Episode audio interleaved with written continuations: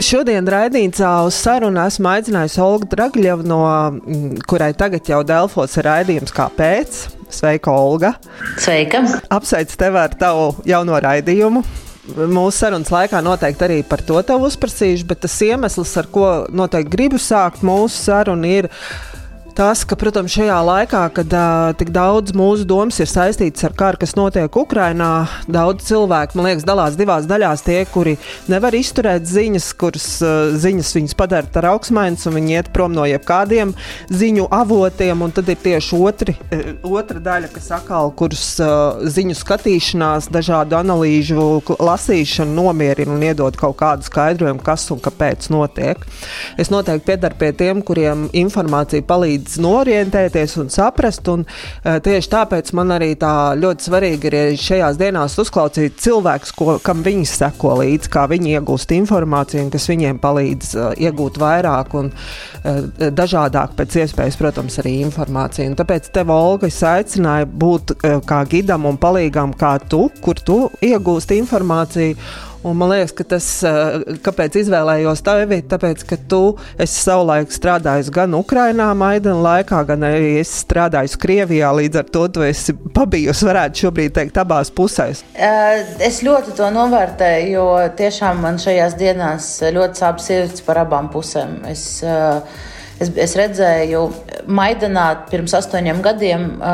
Tiešām varēja redzēt, kā dzimst Ukrainas uh, tagadējā politiskā nācija. Un es varēju savu, savas ādas pati ieraudzīt, cik stipra un brīnumaina un, un ar tādu cīņas garu apveltīta ir Ukraiņas tauta. Tā ir tiešām ir brīnišķīga, stipra tauta. Un, un, un man ļoti sapīgi tagad skatīties uz to, kā Putins vienkārši to nāciju mēģina iznīcināt. Uh, Um, nu, lūk, un, un, un tās visas ieliņas, Kīvas redzēt, apšaudītas, pa kurām es biju aizstaigājis, tik, tik daudz ir, ir sāpīgi. Uh, un uh, no otras puses man sāp sirds arī par Krieviju, jo, uh, jo, jo Putins iznīca, iznīcina kā, tā, to savu nezinu, mordoru aci, pavērš uz, uz visām pusēm un, un iznīcina arī uh, brīnišķīgo moderno Krievijas kultūru. Uh, spraigos, spraigās politiskās debates, brīnišķīgie mēdīji, podkāsti, kultūras notikumi. Viņiem īstenībā pat neskatoties uz to, ka, ka, tas, ka tā demokrātija tur vairs nav, tik un tā tas viss, viss notika. Un, un tie Krievijas žurnālisti ir talantīgākie žurnālisti, ko es savā dzīvē vispār biju satikusi. Un It īpaši ņemot vērā to, kādos apstākļos viņi strādā, tagad viņš vienkārši ar, ar, ar tādu. Nu, mums tagad daudz runu par to, vai viņš pielietos atombumbu, pielietos kodolieročus, un, bet, bet tā pārnestā nozīmē tas ir tas, kas tur tagad notiek attiecībā uz, uz Krievijas kultūru esošo. Un, jā, gara tāda runa no manas puses, bet, bet jā, paldies, ka, ka mani pasauci. Uh, mēs uh, šo sarunu arī ierakstām dienā, kad uh, stājās tātad izmaiņa šajā krimināla likumā, kur ir tātad jau sots par vildu ziņu izplatīšanu. Un, kā tu šobrīd tu raksturot no to mēdīju vidi, ja mēs nerunājam par dažādiem podkāstiem, youtuberiem, blogeriem, kas šobrīd, kā tu to tā kopumā redz to situāciju? Tā situācija ir traģiska un ļoti biedējoša, jo um, Nu, atliek vien domāt, ko tas nozīmē, kam Krievija gatavojas, ja vienā dienā aizklapē ciet visu, visu to, kas vēl bija palicis. Un par Eho Maskavī, jā, viņi it kā paziņoja, ka YouTube turpina raidīt, bet vienlaikus tā Gazprom uzraudzības padome, kas, kas vada visu šo radiostāciju, viņi jau paziņoja, ka tiek likvidēts tas viss. Tā kā, tā kā, tā kā tur es nezinu, cik ilgi viņi izvilks, jo tad viņiem būs jā, algas, viņiem tur neviens par šo vairs nemaksās, acīm redzami. Uh, tāpēc ehm, man ir smagi par to domāt un to noskatīties. Es domāju, ka, nu, protams, kaut kāda partizāna veida žurnālistika paliks. Man šodien raidījumā eksperti bija, nebija tik drūmi noskaņot kā es, jo viņi teica, ka īstenībā lielā, lielos vilcienos viss jau sen ir beidzies. Tie vienkārši bijuši kaut kādi anklāvi. Tādas saliņas, nelielas brīvas preses, kuras īstenībā nesasniedza lielu auditorijas daļu. Bet, un, un, nu, pēc būtības tā konceptuāli nekas nemainījās, bet, bet nu, varbūt tas ir mans burbulis, bet man arī draugi strādā gan Medūzā, gan, gan citos neatkarīgos medijos Krievijā, un es vienkārši redzu šo kā lielu, lielu nelaimi, kas, kas tagad ar Krievijas žurnālistiku notiek. Jo, manuprāt, atkal, šodien raidījumā man tie eksperti nepiekrita, bet, manuprāt, tā galvenā problēma ir, ka arī mēs te Latvijā daudz mazāk zināsim par Krieviju. Kā jau teicu, tie, tie kaut kādi partizāni žurnālisti, telegramu kanāli, WhatsApp kanāli, kaut kas Eh, paliks. Un, protams, ka, piemēram, karantīna mēdīs turpinās strādāt no, no Prāgas, eh, Medūzē, es ceru, turpinās strādāt no šejienes, bet ar esošo likumu, kas eh, pēc būtības ar. ar um, ar cietumu, ar, ar, ar laiku cietumā soda tos, kas izplata objektīvu informāciju par, par šobrīd šajā karā notiekošo. Jo, protams, tas nav par fakiem, tas ir par informācijas izplatīšanu, kas nesaskan ar Krievijas oficiālo viedokli. Uh, Tas nozīmē, ka žurnālisti Krievijā vairs nevarēs strādāt, ka tiem mēdījiem, kas strādā ārpus Krievijas, tie sevi žurnālisti no Krievijas ir jāevakuē un tad viņiem būs jāpaļaujas visticamāk uz kaut kādiem anonīmiem ziņotājiem, kas viņiem stāstīs par to, kas Krievijā notiek. Nu, es iezīmēju tādu diezgan drūmu scenāriju, un varbūt es tiešām kļūdos, bet mēs redzam to, tas tagad notiek Čečenijā. Un, un, un vispār daudz eksperti uzskata, ka šobrīd arī notiek tāda Krievijas čečenizācija kopumā. Un Čečenijā tā ir, žurnālisti tur nevar strādāt, ir mēdī, kas par Čečeniju raksta, piemēram, Kafkaski Uzelis, es nezinu, vai viņi joprojām raksta, bet nu, pirms laika rakstīja.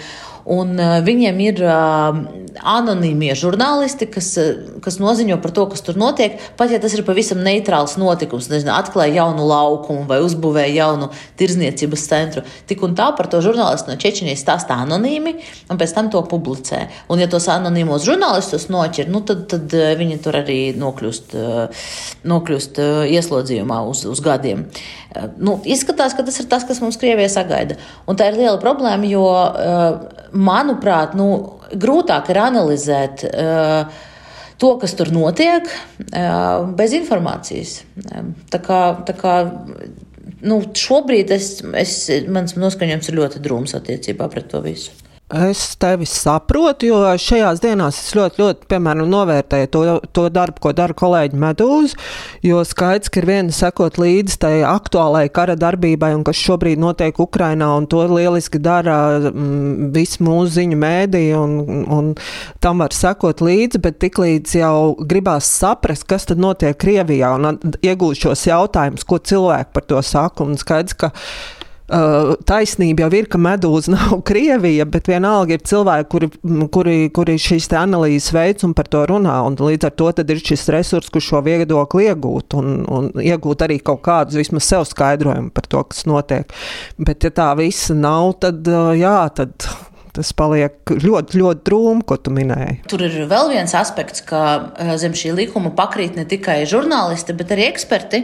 Jo man, eh, es raidījumā to nepaspēju pateikt, bet es to tev varu izstāstīt, jo es biju uzrunājusi vairākus ekspertus tikt nointervētiem priekš mana raidījuma, un viens ļoti labs man ir atteicis, pamatojoties tieši ar to, ka tagad uh, nevar saprast, uh, jo vēl viena lieta, ko, ar ko Krievijas prokuratūra piedraudēja, ir izmantot uh, pantu par uh, tautas uh, tēvzemes nodevību pret tiem, kas jebkādā veidā sadarbojas ar ārzemju, vispār ar ārzemēm. Un, piemēram, tas cilvēks, kas, kas man atteica interviju, viņš Viņam ir bažas, ka šis var nozīmēt arī kaut kādas represijas pret tiem, kas, piemēram, sniedz intervijas ārzemju mēdījiem, jo tu nekad nevari zināt, kā viņi to pavērsīs. Un, tas ir viens, un, un vēl viena domnīca, es, kur, kur ir ļoti daudz Krievijā ļoti labu ekspertu iekšā. Es uh, vienu politologu arī no turienes uzrunāju. Viņš mm, vispār minēja, ka, Krievija, ka viņu vadība viņiem pagaidām neļauj sniegt komentārus tie, to pašu apsvērumu dēļ. Tāpēc uh, nu, tā, ir, tā ir vienkārši Ziemeļkoreja, kas tur, kas tur pašlaik top. Uh, ka mēs nezināsim ne tikai vienkārši no žurnālistiem notiekošo, bet arī eksperti mums nevarēs pastāstīt, kā viņi šo situāciju analizē. Nekā, nu, nu, protams, ka Krievija nav Ziemeļkoreja un nav Ķīna. Tur Pat no Ķīnas ar visu viņu slēgto internetu kaut kas izkļūst informācija, un arī par uiguriem mēs tur uzzinājām un ar laiku un tā. Un nu, nevarēs tā Krievijas tā sabiedrība, tā neatkarīgā daļa turpinās kaut ko ziņot, bet nu, tās iespējas būs daudz mazākas. Varbūt padalies, kas ir tie avoti, ko tu izmanto un arī klausies, varbūt podkāstus, kas nodara, lai iegūtu informāciju vairāk. Jā, es uh, pašlaik paļaujos, uh, lai saprastu no Krievijas iekšienes um, informāciju. Uh, Nu, protams, uz tādiem, ja mēs nerunājam par, par mēdījiem kā tādiem, tad, tad uh, es uh, ļoti citīgi klausos uh, Medūzas podkastus jo viņiem ir ļoti labs podkāsts, Što slučīlis, kas tas ir krieviski, nu, tulkojums ir, kas ir noticis. Un, uh, tur ēteris jauna epizode ir katru dienu, uh, un viņi intervē dažādus nu, cilvēkus. Tā ir vienkārši kaut kāda pusstundīga, man liekas, 40 minūtīga intervija par, par aktuāliem notikumiem, bet uh, tam vadītājiem ir tāds īpatnējs jautājumu uzdošanas stils. bet, bet, ja tam, tam pāri paskatās, tad uh, citādi uh, ļoti informatīvi. Tur ļoti labi eksperti, ļoti labi runātāji, un viņi paceļ arī tematus, kas ir nu, visaktuālākie aktuālākie. Viņi ļoti labi ķer to, to mirkli. Tāpēc turpat īstenībā ar to podkāstu ir tā, ka Pat ja tu neklausies un nelasi neko, kas Krievijai notiek, ja tu to podkāstu klausies, tad tev pēc būtības ir sajūta par, par to informācijas, to bildi, kas, kas būvējas ap Krieviju. Tas ir, tas ir viens. Es silti viņu iesaku. Agrāk viņš man nebija viens no mīļākajiem, bet, bet tagad ir, ir ļoti noderīgs. Viņi atrod tiešām ļoti labus runātājus. Viņam ir laba pieeja, jo, piemēram, tagad runā, viņi runāja daudz par sankcijām pret Krieviju.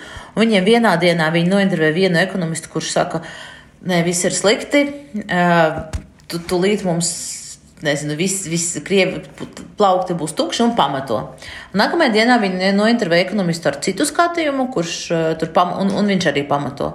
Kas man liekas, ir diezgan svarīgi, ja runa ir par prognozēm un par tik nesaprotamām lietām kā, un neprognozējamām lietām, kā sankciju ietekme, ka viņi parāda tos dažādus ekspertus, kuri, kuri prognozē dažādi, vadās pēc dažādiem modeļiem. Nu, Tas man, man patīk tiešām viņš. Um, tai pašai medūzē arī ir ķeks nedēļa. Tas ir nedēļas teksts, um, tulko, tulkojumā. Reiz nedēļā podkāsts. Uh, tur um, apspriež.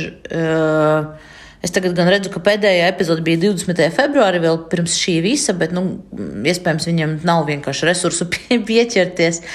Um, bet es ceru, ka atjaunos. Um, tur um, inter, viens no, no žurnālistiem intervē vai sarunājās ar, ar labākā, svarīgākā uh, teksta, uh, raksta, nedēļas raksta uh, autoru.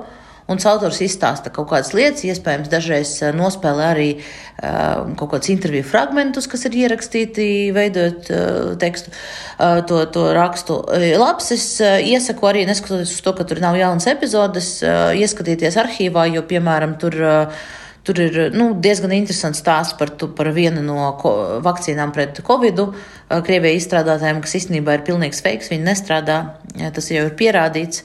Un, uh, tur tie medūzas žurnālisti paši ir veikuši zinātnisku pētījumu, lai pierādītu, nu, lai saprastu, vai tā vakcīna strādā vai nē. Viņi nu, nointervēšu viņu par šo stāstu. Protams, tagad uh, nu, aktuālākais ir cits, bet. Uh, Ar laiku varbūt es iesaku arī to. Uh, tu, es, es gribu ieteikt, ka tiem, kas varbūt nelasa, uh, ne, nesaprot krieviski, ka viņiem arī nav jāskumst, ir uh, tāds Kevins Rotroks. Medūzas uh, angliskās versijas galvenais redaktors, un viņiem ir podkāsts The Russia Guy, uh, kurā tad, tad viņš intervē uh, Tagad es skatos, ka pēdējā epizode ir 7. februāris.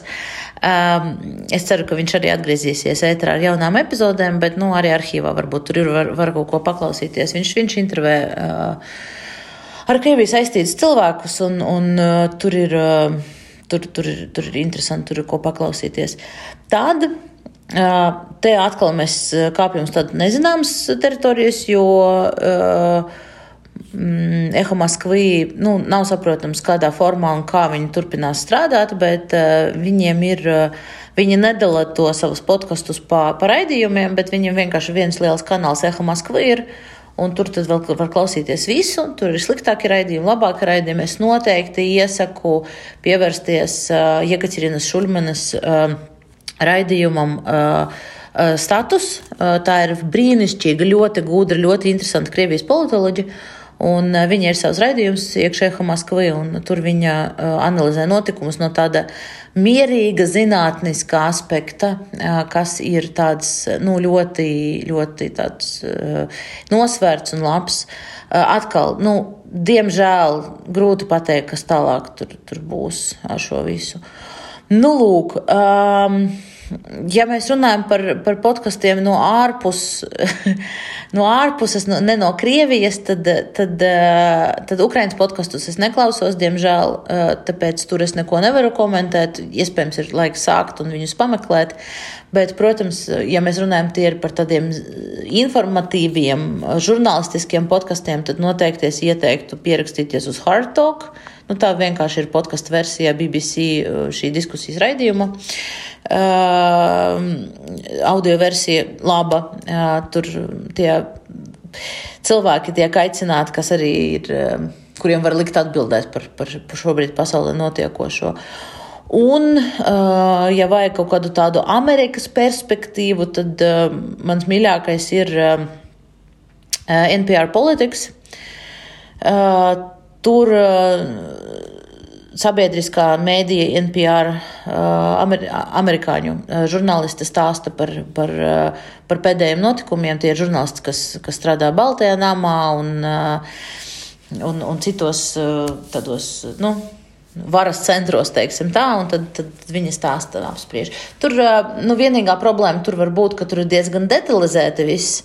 Proti, viņi nu, tādās detaļās ieiet, kas varbūt tā sākot klausīties ir nesaprotamas, bet, bet viņi tur diezgan labi apspriež to, kas ir, kas, kas Amerikas politikā notiek, un tad, tad tur var pasakot. Nu, lūk, man ir vēl virkne ieteikumu par kaut kādiem dzīves stila podkastiem un tā tālāk, kas var arī šajā grūtajā laikā palīdzēt, bet, bet ja gribas būt informētiem par, par aktuāliem notikumiem saistībā ar, ar Krieviju, ar Ukrainu, nu, šie noteikti ir tādi. Kam es ieteiktu sekot, bet, nu, atkal, es, nevaru, es neko nezinu par, par Ukraiņas podkastiem, diemžēl. Tie Krievijas, viņi, protams, fokusē tur, kas Krievija ir.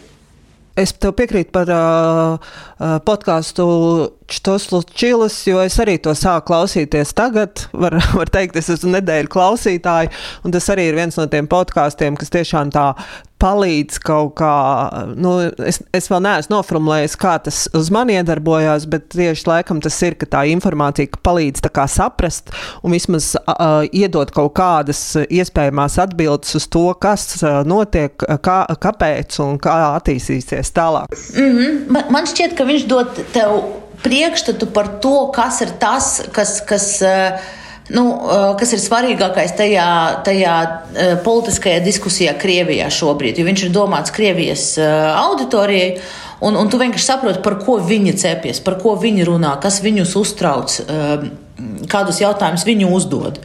Un, un, un tas ir vērtīgi arī.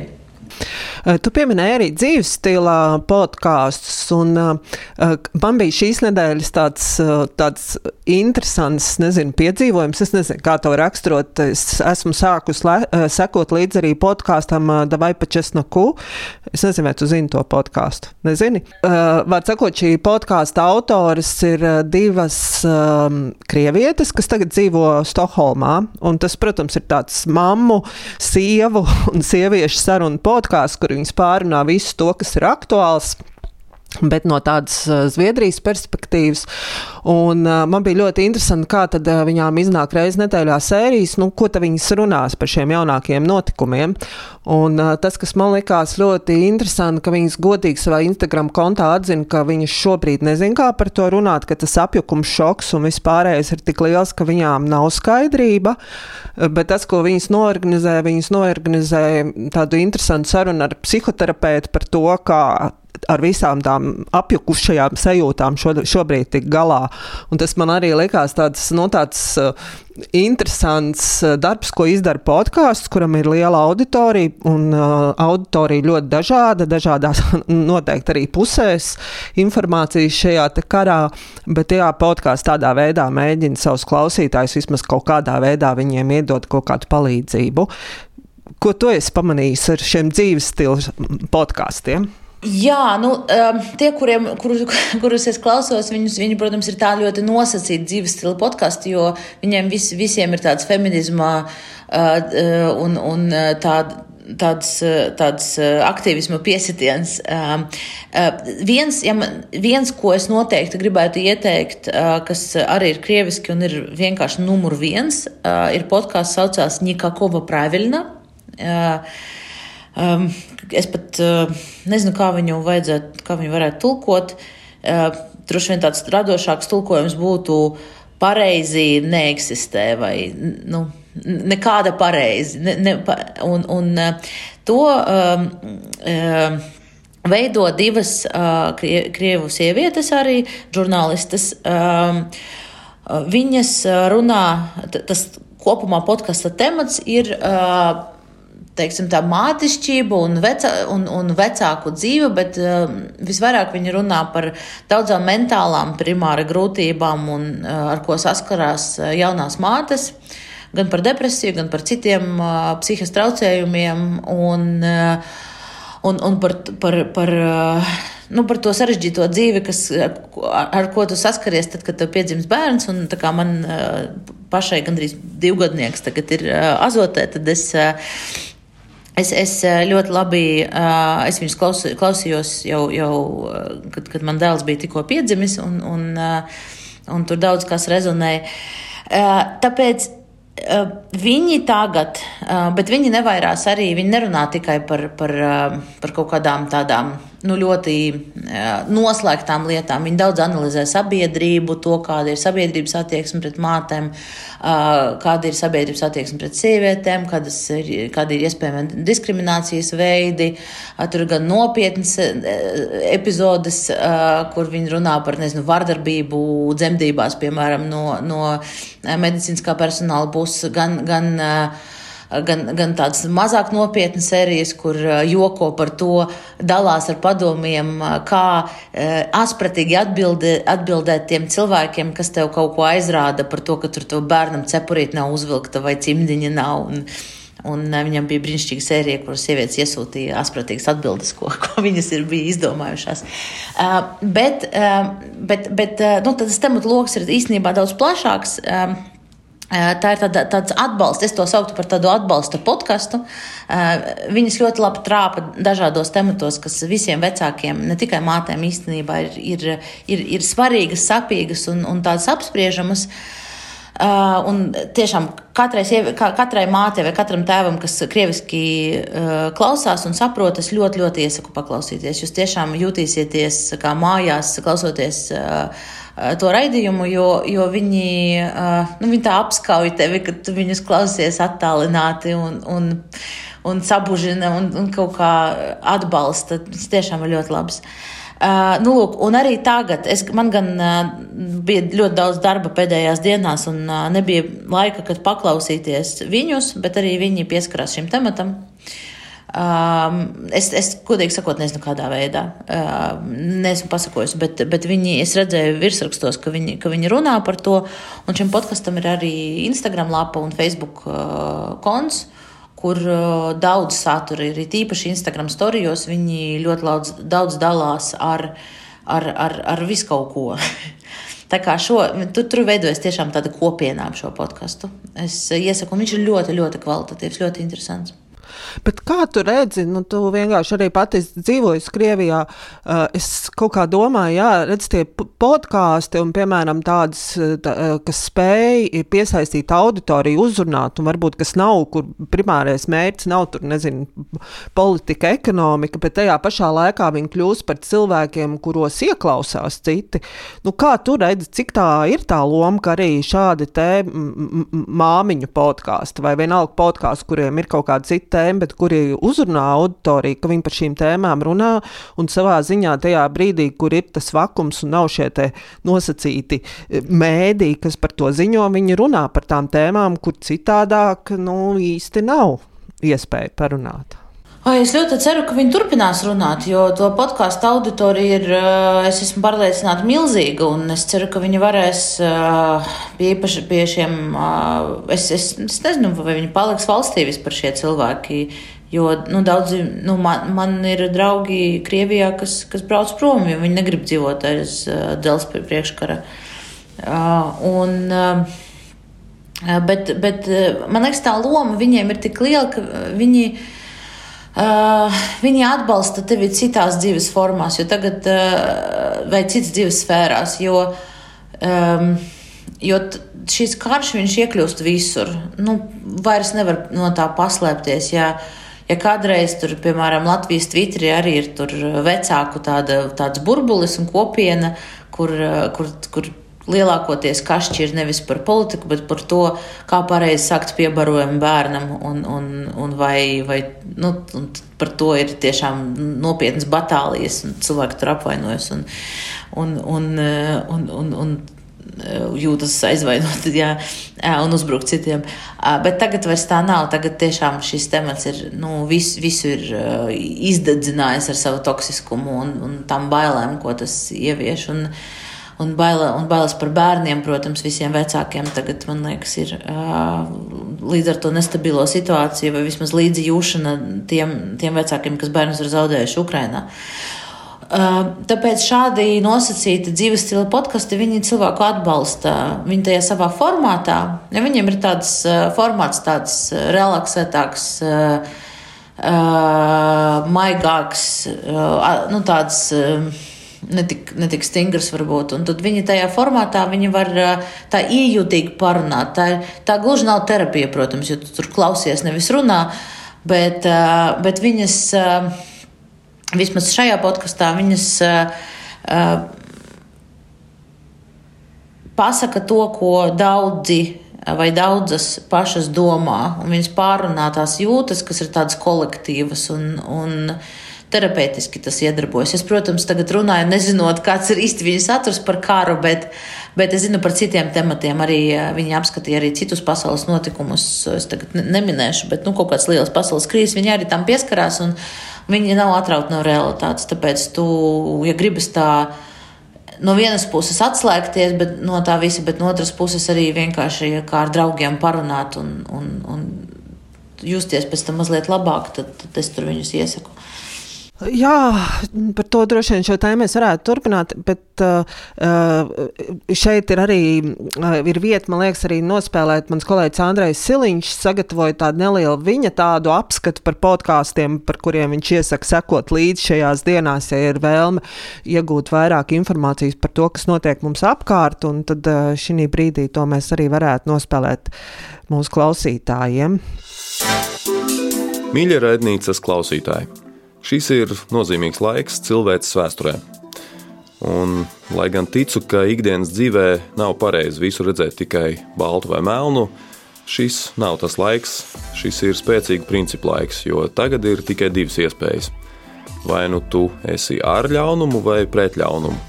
Šī izvēle ir jāizdara, un es ļoti ceru, ka ik viens raidnīcas klausītājs ir nostājies uz vienīgā pareizā ceļa. Skaidrs, ka šajos laikos ir ārkārtīgi grūti norientēties visā informācijas gūzmā, kas tiek raidīta mūsu virzienā. Tāpēc ir svarīgi izvēlēties dažus uzticamus informācijas avotus. Uzticamus, tātad profesionālu, oficiālu mēdīju apstiprinātus. Un arī podkāstu lietotnēs tāda iespēja ir, tāpēc nosaukšu vairākus raidierakstus, kam vērts piesakot un ko klausīties, lai iegūtu kvalitatīvu objektīvu un uzticamu informāciju. Dienas ziņas. Ja ierakstīsiet savā podkāstu aplikācijā šos divus vārdus, tiksiet pie Latvijas radio ziņu dienesta sagatavotajiem ziņu izlaidumiem ar visu svaigāko informāciju divas reizes dienā, īsi pēc 12 un pēc 6 vakarā. Cits nosaukums, ko vērts atrast un kam vērts piesakot, ja tas vēl nav izdarīts, ir krustpunktā ikdienas aktuālo notikumu apskats, sazināšanās ar ekspertiem, ar žurnālistiem, kas atrodas uz vietas un spēj sniegt drošu informāciju. Kruspunktā komanda šais dienās strādā īpašā režīmā, speciāli izlaidumi mēdz būt arī vairākas reizes dienā, tāpēc ir svarīgi ne tikai nospiest pogu sekot šim podkāstam, bet arī turpat blakus šai pogai nospiest zvaniņu. Tad telefonā atnāks paziņojums brīdī, kad būs iznākusi jauna epizode. Ja šī regulārā informācijas saņemšana kļūst kaitīga mentālajai veselībai, tad laba alternatīva ir divas puslodes. Tur reizi nedēļā katru trešdienu tiek apkopota situācija un informācija, un tāpat ir arī ekspertu komentāri. Atvērtajos failos klausāms stāsts no kara darbību notikumu vietas Ukrajinā. Podkāstos iespējams noklausīties arī Latvijas televīzijas aktuālo saturu par Ukrajinu raidierakstu platformās meklējot LTV ziņu dienests. Un meklējiet arī dokumentāriju. Tajā ir jauna stāstu sērija ar nosaukumu Karš Ukrainā. Žurnāliste Indra Sprāncē devusies uz karsto punktu un uzklausījusi turienes cilvēkus, viņu kara pieredzi un emocijas. Ja saturu patērē angļu valodā, tad iesakāms ir BBC veidotais Global News podkāsts, kur pārsvarā reizes dienā, bet citreiz arī biežāk, ir jauni izlaidumi ar aktualitātēm. Bet īpaši karam Ukrainā izveidots podkāsts Ukrainecast, kas reiz dienā piedāvā pa jaunai epizodei ar detalizētu informāciju no klātienes un dažādu ekspertu un analītiķu redzējumu par notiekošo. Latvijas žurnālists Kristaps Andrēsons, kurš devies uz Ukraiņas-Polijas robežu, katru dienu laiž klajā jaunu epizodi savā angļu valodā skanošajā podkāstā The Eastern Border. Tur viņš stāsta jaunāko informāciju, ko ieguvis, un dara to ne tikai savus atstāstot faktus, bet ar savu unikālo skatījumu un emocijām. To, kas ir Kristaps Andrēsons, kāpēc viņš ir tiešām interesants tēls, un īpaši tāpēc, ka kļuvis interesants arī Krievijas spēcdienestiem, var noklausīties arī tepat raidnīcā. Dācis sarunā ar Kristapu raidnīcas 8. jūnija epizodē. Ja saturu patērē Krievu valodā, tad uzticams podkāsts ir Rīgā bāzētā Krievu neatkarīgā mēdīja Medūza veidotais Štos Lučilas. BBC Krievu redakcija veido podkāstu Štoito Bila, kas katru vakaru apkopo notikušo Ukrajinā un tad pievēršas tam, kā tas atsaucas Krievijā. Arī Latvijas radio ziņas Krievu valodā ir klausāmas raidierakstu formātā divas reizes dienā Novosti dņā pieejams pēc pulksten vieniem un pēc pulksten septiņiem.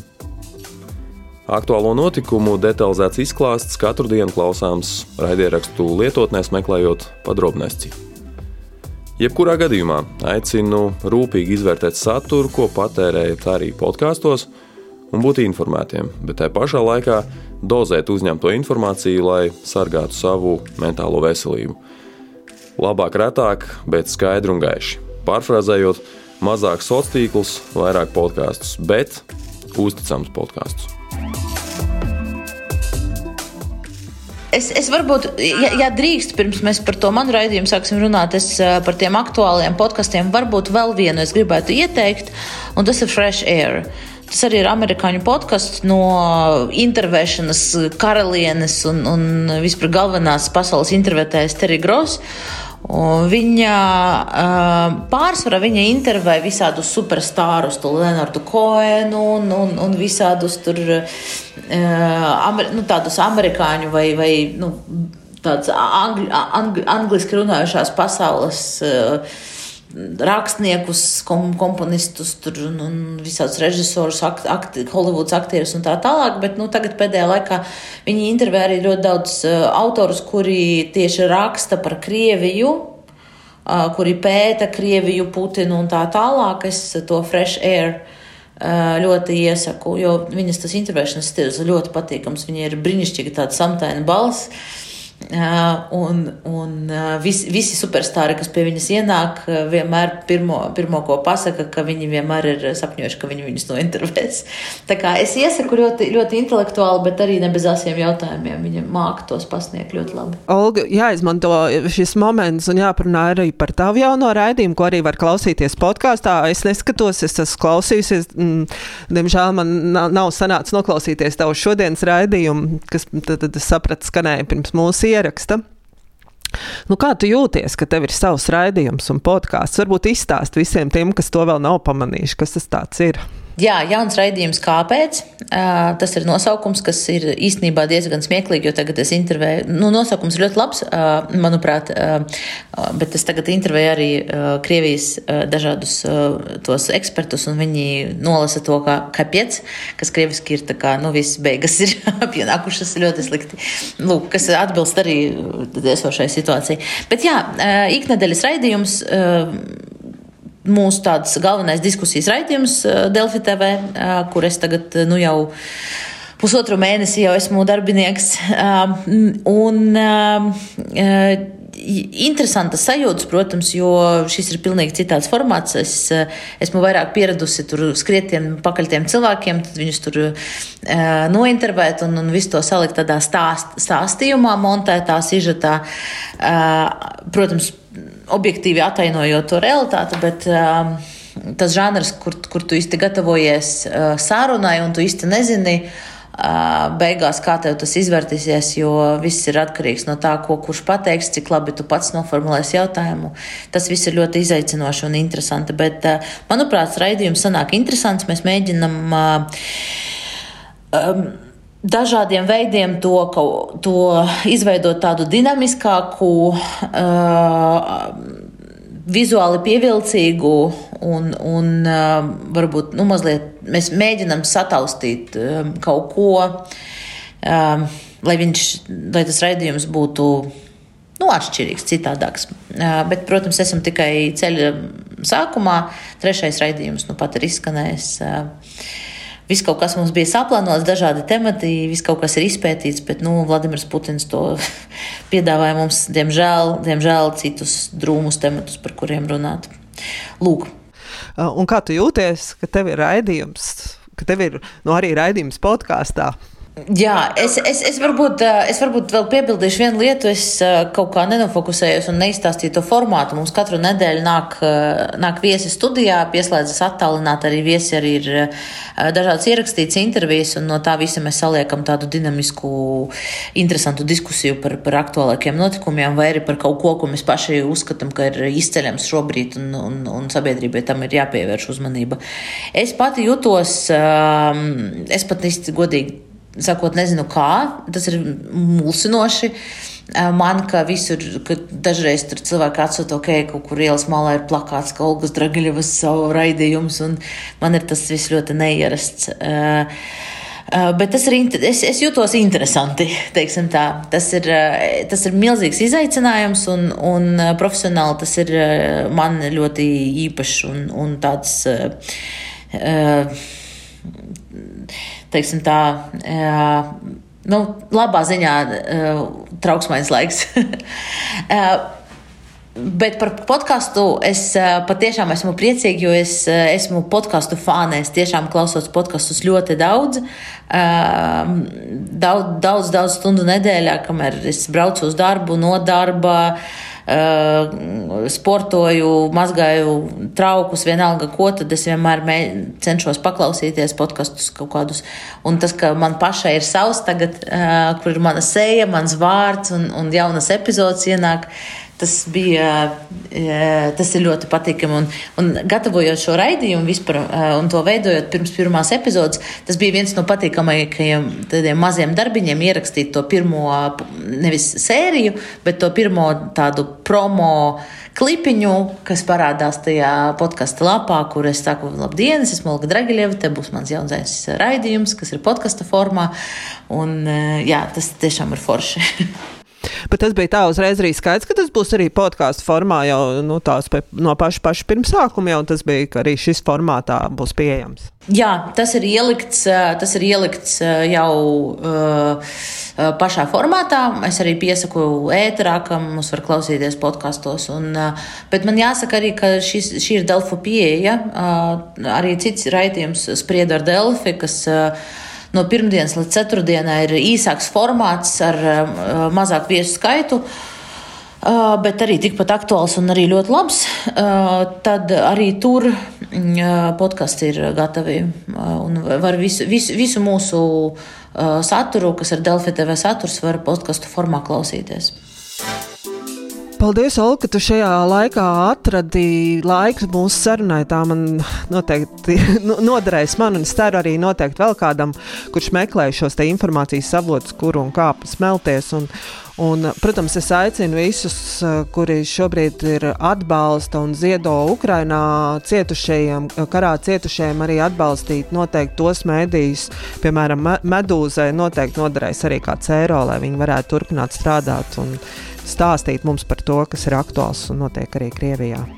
Jā, ziedojiet medūzai noteikti, jo tagad, eh, ņemot vērā to, viņu lapā ir eh, liels diezgan baneris, kur var uzklikšķināt un noformēt gan eh, vienreizēju ziedojumu, gan regulāro. Man šķiet, ka, ja mēs gribam spēt kaut kādā veidā paredzēt, kas tālāk notiks, vai vismaz kaut kādu desmitdaļu soļu uz priekšu, redzēt, kas, ko, ko, ko Krievija darīs, mums ir kritiski nepieciešams viņu darbs.